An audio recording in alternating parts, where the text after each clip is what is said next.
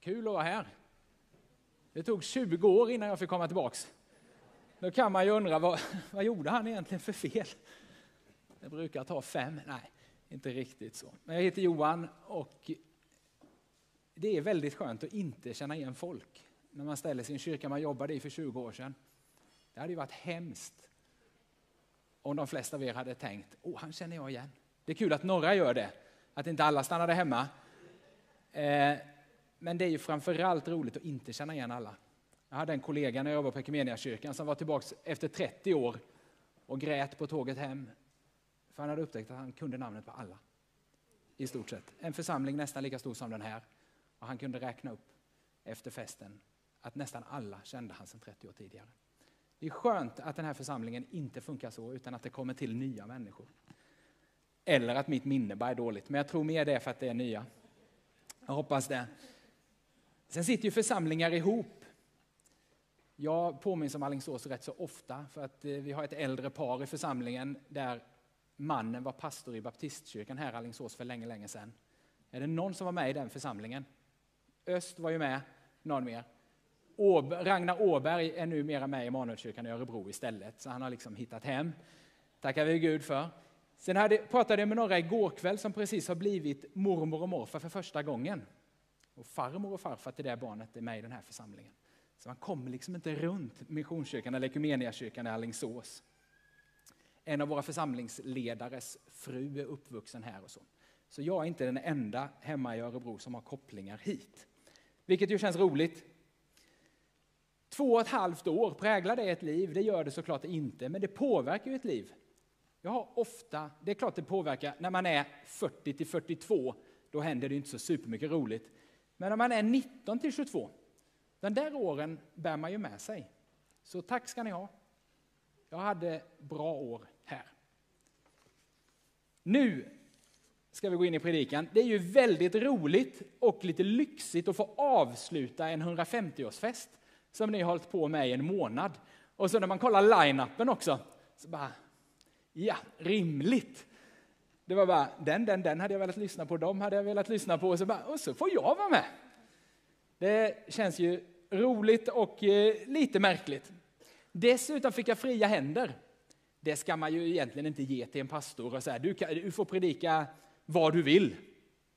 För då får man sätta sig och klura och be, läsa lite i Bibeln och fundera på vad, vad vill Gud viska? Och det där är alltid vanskligt, för det kan ju också vara bara mina tankar. Är ni med mig? Men tänk om det är så att Gud kan tala till någon 20 mil bort som förbereder en predikan i ett 150-årsjubileum och så är det en viskning, antingen till församlingen eller till någon enskild. Det kanske inte alltid är så, men ibland får det ju faktiskt vara så. Tänk om det är så. Det gör ju att man blir lite nervös när man förbereder sig. Men det gör ju också att det är mycket roligare att förbereda sig. Om man tänker att Gud faktiskt är involverad. Tänk om Gud ville säga något till dig genom sången vi sjöng nyss. Och inte genom det som kommer nu. Eller genom bibelorden vi snart ska läsa. Om du inte orkar lyssna på en predikan, en del av oss är ju sådana, då, då är min rekommendation att ta upp telefonen och anteckna. För då är det lättare att följa med. Det, så brukar jag göra själv och då brukar ungdomsledarna i vår församling skälla på mig. Bara, Johan, det syns ju att du sitter och surfar. Nej, jag sitter ju och antecknar för annars tappar jag tråden. Vill du inte anteckna och känner på dig att jag kommer ändå inte hänga med, då är sammanfattningen som kommer om ett tag. Hedra dem som gått före genom att inte göra som dem. Var lite av en rumpnisse. För er som är för unga för det så ska jag förklara det sen, vad en rumpnisse är. Och håll fast i stafettpinnen. Där har du sammanfattningen, nu kan du slappna av. Hedra de som har gått före med att inte göra som dem. Var en rumpnisse och håll fast i stafettpinnen. För rätt många år sedan nu, tiden går ju fort när man har roligt, för rätt många år sedan så ledde jag Ekumenia i Sverige. Vilket var en förmån på många sätt och en bedrövelse på andra för, för de som fanns runt om kanske. Men jag fick göra det under några år när Ekumenia var nytt, Ekumeniakyrkan ännu inte hade kommit till. Och fick resa runt i Sverige och träffa massor av olika församlingar. Stora och små och halvstora och landsbygd och stad. Och rätt så ofta så pratade jag med församlingsledningar eller SMU-föreningar som de flesta fortfarande var då.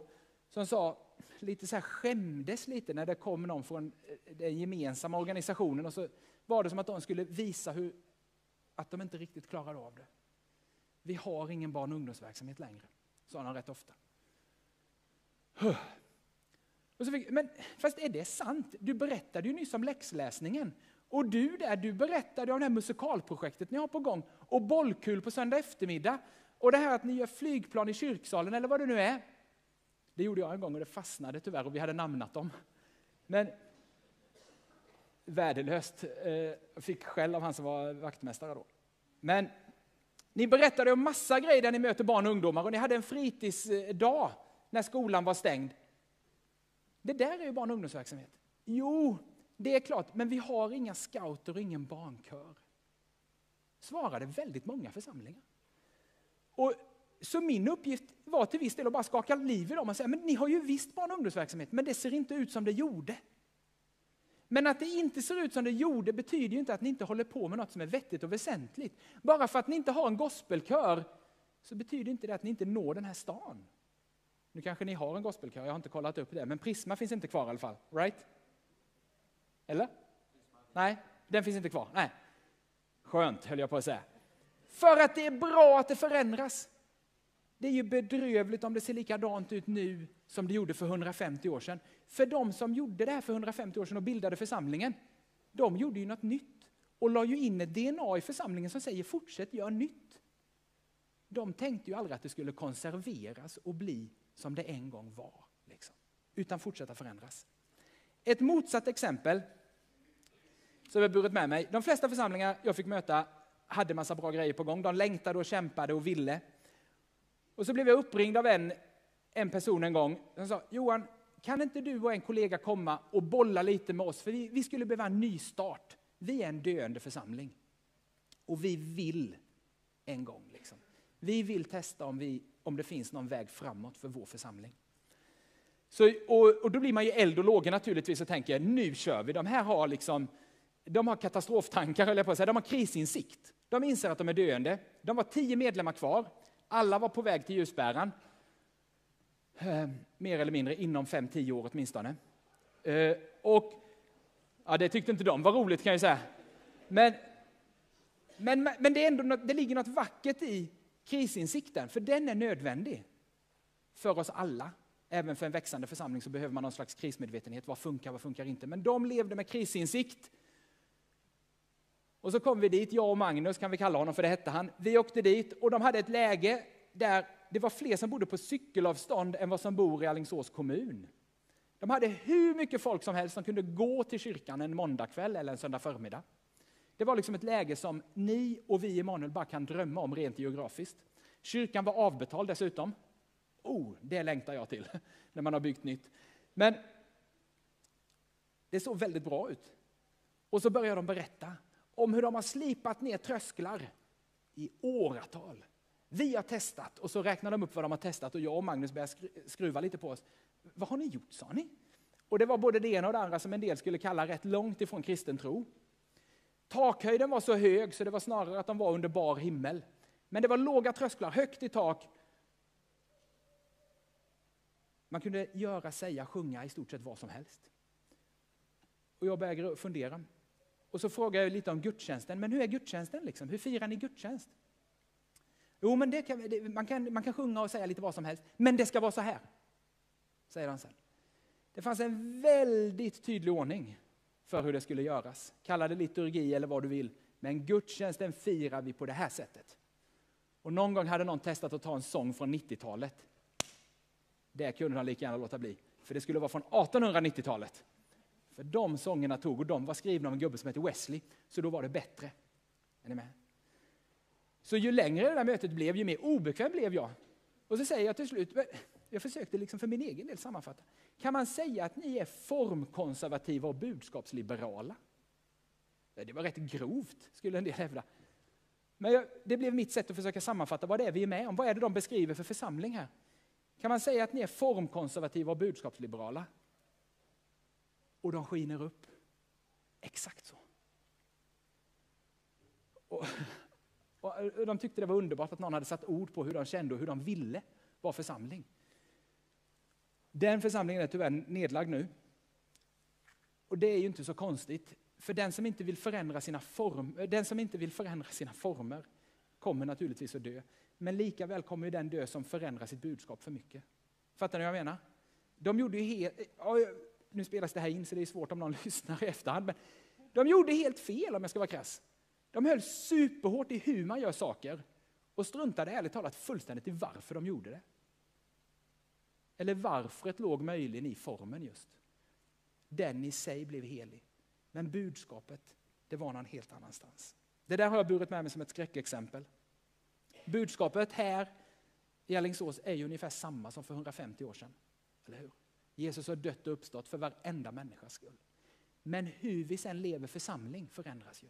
Hur vi firar gudstjänst förändras till och med. Även om de här instrumenten är ungefär samma som för 20 år sedan.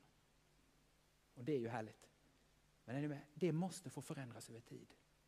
Men se till så det är rätt saker som förändras. När man är 150 år, eller för den delen 2000 år som kyrkan är. Vad är det som är beständigt?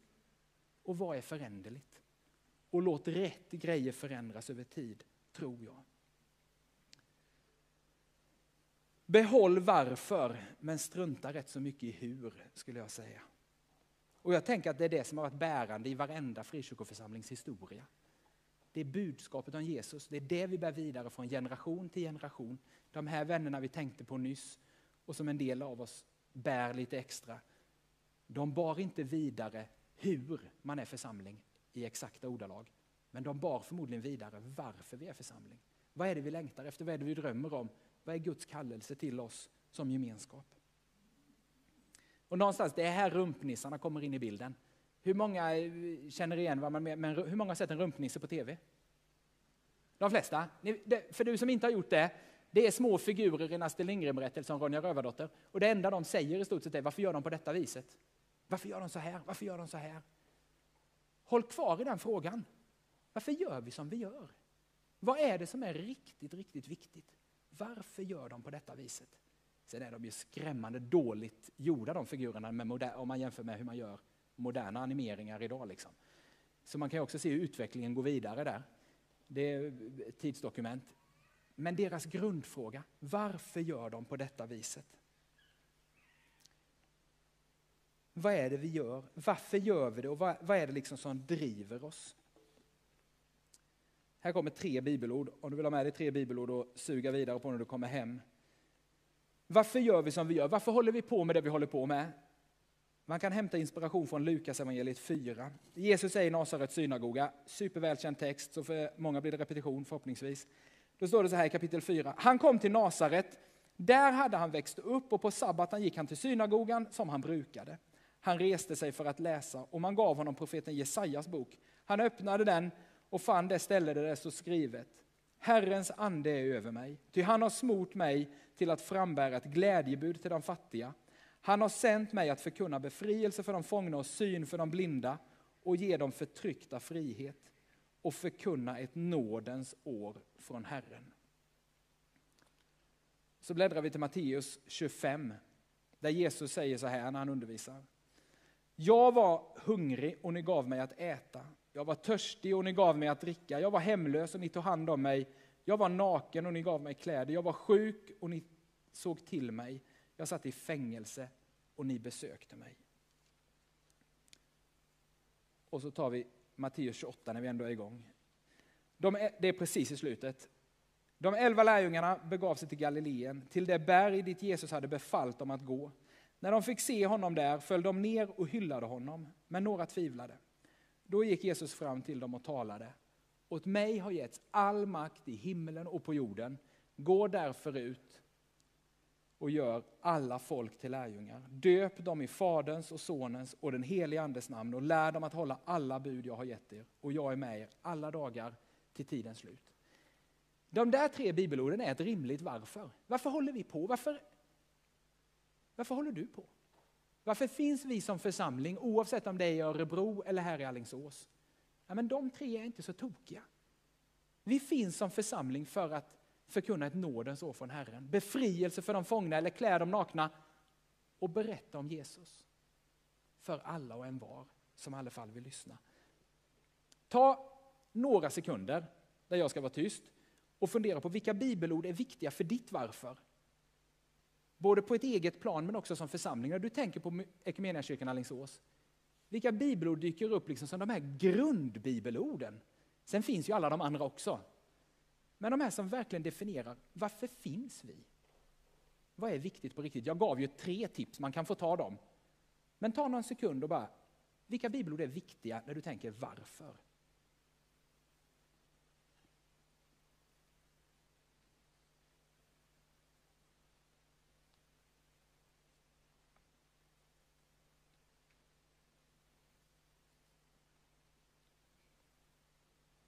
Vi ska inte ha liksom handuppräckning eller att man ska berätta om det nu. Du kan prata om det på kyrkkaffet sen istället. Men enkelt uttryckt, vi behöver ett gemensamt uppdrag som församling. Det behöver få vara det som håller ihop oss. För vi kan inte hållas ihop av hur vi gör saker. För alla spelar inte bläckblås eller träblås. Eller var det, det var både och kanske. Var det yes. Men det, de flesta av oss spelar inte det, så det kan inte hålla ihop oss. Det kan inte ens hålla ihop oss att vi gillar det, för alla gillar inte det. Vi har olika musiksmak. Det behöver vara något annat som håller ihop oss. Och det behöver vara grundat i ett uppdrag som vi uppfattar att vi har fått från Gud själv genom Bibeln eller som direkta tilltal. Kläder nakne, det behöver vi skriva om. Det springer inte runt så mycket nakna människor.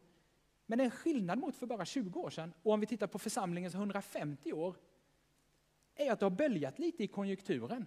Vi har många fler fattiga idag i Örebro som vi får hjälpa med verkligen konkret basstöd än vad det var för 10, 15, 20 år sedan. Och förmodligen är det likadant här. Vi pratade lite om eh, Ukraina-projekt och så här innan gudstjänsten. Alltså det kommer nära. De bibelorden som vi tänkte inte var så relevanta för 30-40 år sedan, som vi behövde skriva om. Tyvärr behöver vi inte ens skriva om dem längre. När Jesus säger mätta den som är hungrig. När jag var liten fick man liksom, hur vrider och vänder vi på det så det blir relevant i vår tid? Tyvärr är ju det relevant idag. Är ni med? Där har vi ett klockrent uppdrag. Och vi behöver berätta frimodigt om att vi tror att Jesus har kommit till jorden för att dö och uppstå för vår skull. Och att Gud vill varenda människa väl. För om vi bara hamnar i att mätta hungriga och klä nakna och så här, ja men det blir ett halvt evangelium. Om jag ska förenkla. Vi behöver också berätta om vad är det vi tror på. Ja, men vi tror faktiskt att Gud har sänt sin son till jorden för din och min skull. Och det betyder att han har sänt honom också för min grannes skull. Men hur ska jag berätta om det? Jag vet inte. Du får pröva dig fram. Det finns ingen quick fix på det. Men vi behöver berätta om det. För att vi tror att Paulus menar allvar när han säger att den som med, sitt, i sitt, i, med sin mun bekänner att Jesus är Herre och i sitt hjärta tror att Gud har uppväckt honom från de döda ska bli räddad. Och vi vill ju att fler ska bli räddade. Det är ett hyggligt bra motiv för att berätta om Jesus.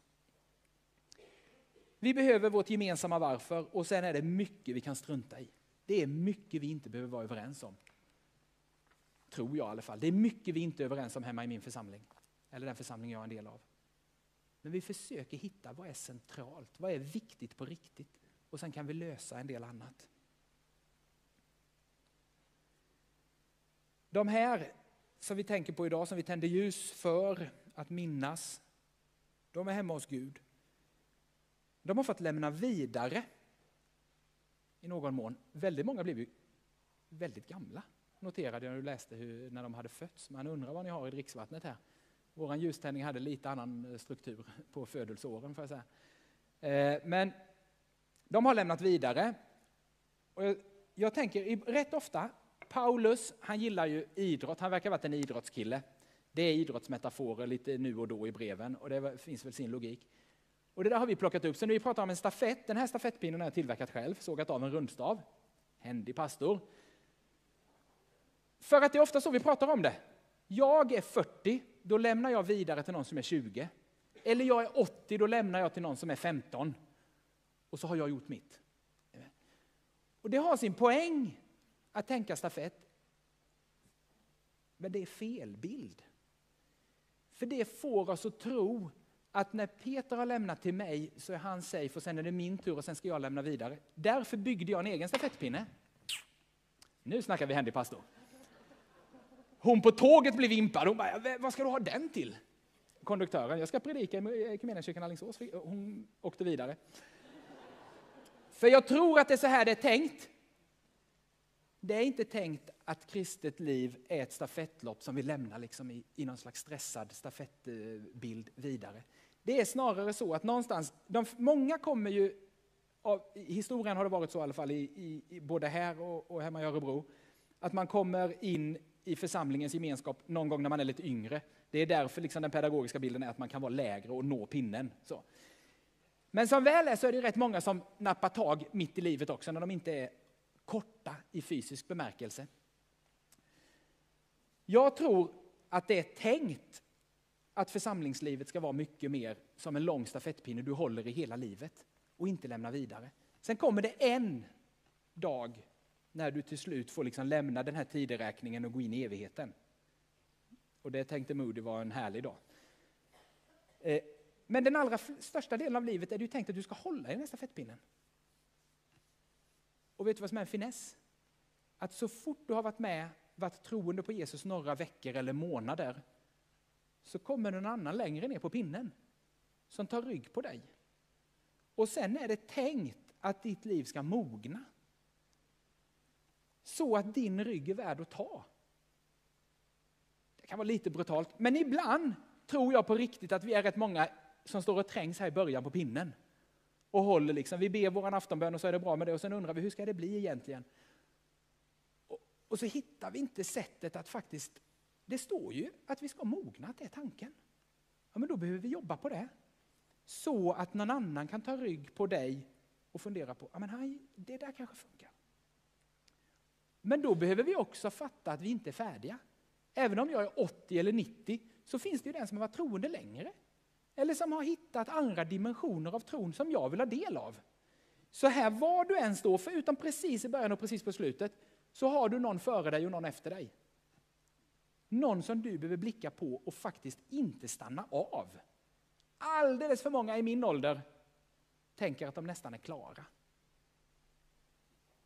Och, och, så var det när jag var 20 också, och så kommer det vara när jag är 60 med. Är med? För man tänker, jag är nog färdig. Tanken är att vi förändras över tid. Och med den här så, så tror jag krasst att det allra viktigaste är att hålla fokus på uppdraget. Inte, det är inte tänkt att du ska lämna vidare hur vi gör saker till nästa generation. Det är tänkt att du ska lämna vidare varför vi gör saker. Vad är det som brinner i ditt hjärta, i vårt gemensamma hjärta som församling? Det är det vi ska lämna vidare.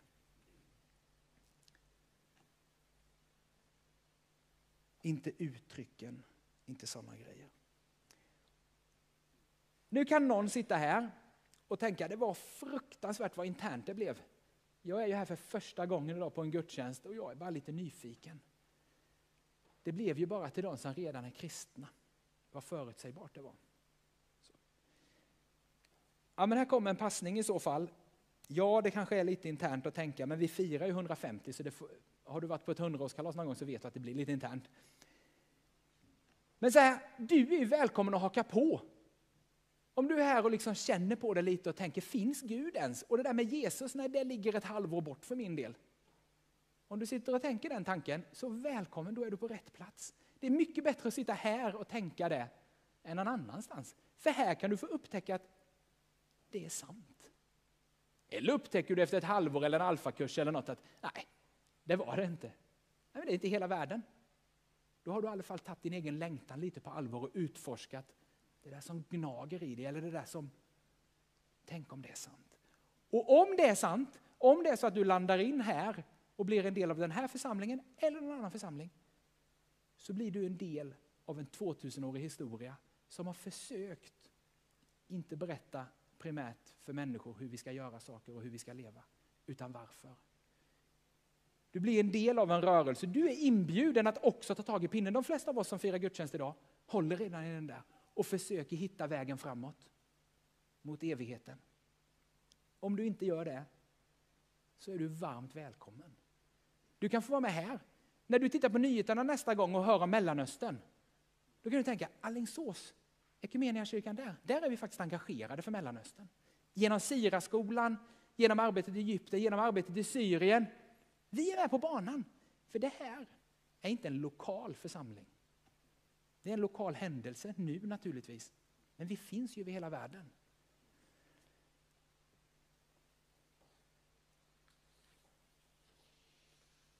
Du får vara med helt enkelt. Så egentligen är det inte internt att prata om varför vi håller på. För om du är det minsta nyfiken så behöver du också bena ut vad är församlingens varför? För du kliver inte in i en församling för att det är trevligt och socialt. Det kommer du tröttna på inom ett halvår, eller ett år eller två år. Se till att vara med någonstans där varfret stämmer. Där du känner att det församlingen uttrycker som sitt varför. Anledningen till att vi finns, det är där jag vill vara med. Inte exakt i hur vi finns, för vi finns på så många olika sätt.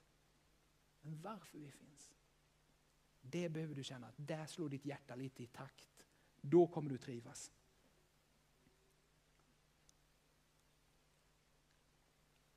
Ungefär så. Du får vara med. Om jag ska gå in för landning så tänker jag så här, och det har du redan fattat för jag tjatar om det. Lägg kraften på varfret. Om man får säga grattis till en 150-åring som kollektiv, så var trogna mot de som grundade församlingen på det sättet att gör inte som de gjorde, men gör varför de gjorde. Är ni med på skillnaden ens med varför och hur? Några nickar i alla fall, skönt. Inte alla, för en del tänker när kommer sammanfattningen, jag väntar ju på den. Men var trogna mot de som grundade den här församlingen för 150 år sedan, eller de av de här vännerna som var med länge. Varför var de det? Vad var det som brann i dem som gjorde att de inte kunde låta bli? Även de åren när tron var en kamp. Varför blev de kvar? Vad var det som hade fått tag i dem så till den milda grad att de inte kunde låta bli? Det behöver vi landa i. Och sen skulle jag vilja skicka med, ta ansvar för att din egen tro mognar. Du står där och håller i pinnen och jag vet att det inte är världens bästa pedagogiska bild. Jag har inte läst pedagogik, men jag gillar att snickra. Men du står där och håller i pinnen. Är du vuxen, och det är du när du är över åtminstone 15 om du är döpt, då är det också ditt eget ansvar. Det kan du inte lägga på församlingsstyrelsen eller på pastorerna eller på någon annan. Det är ditt eget ansvar att se till att finnas i ett sammanhang där det finns friskt vatten. Så att någon annan kan titta på dig eller prata med dig eller så att du kan bjuda hem någon annan och ha något att ge.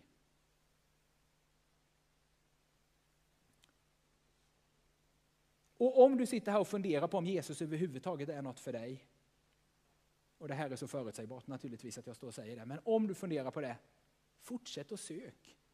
Fortsätt att se till att finnas i ett sammanhang där du anar att det finns friskt vatten att hitta. Prata med människor, testa att be om du inte har prövat det. Se till att finnas i en miljö där det verkar någorlunda friskt och sunt. Och jag tror för egen del att det här är ett bra sånt ställe. Om jag ska vara krass. Så, där någonstans avslutar jag och vi ska snart sjunga en sång. Under tiden vi sjunger den så ska vi göra en insamling till församlingens verksamhet. Och det är också ett sätt att hedra de där 150 åren. Det är också ett sätt, att, ett enkelt sätt, ibland blir det så krångligt. Ja, men vad menar vi med att mogna? Vad menar vi med? Ja, men ett sätt är att låta Gud äga mina pengar. Eller åtminstone själv äga dem så mycket så jag ger bort dem. Äger de mig? Ja, då vill de att jag ska behålla dem. Det går att vara väldigt praktisk. Ibland gör vi andliga saker och trosaker för krångliga. Insamling är en av de enklaste sakerna. Att känna bara, jag håller i den där pinnen och jag håller i den tillsammans med de här vännerna. Jag håller i pinnen tillsammans med de som grundade församlingen för 150 år sedan. Men framförallt håller jag i den för de som kommer sen. För när vi samlar in pengar gör vi det inte av historiska skäl. Då gör vi det för att vi hoppas på framtiden och tror på framtiden. Eller hur? Så nu ska vi samla in pengar till församlingens verksamhet. Under tiden sjunger vi nummer 300. O, hur saligt att få vandra. Amen.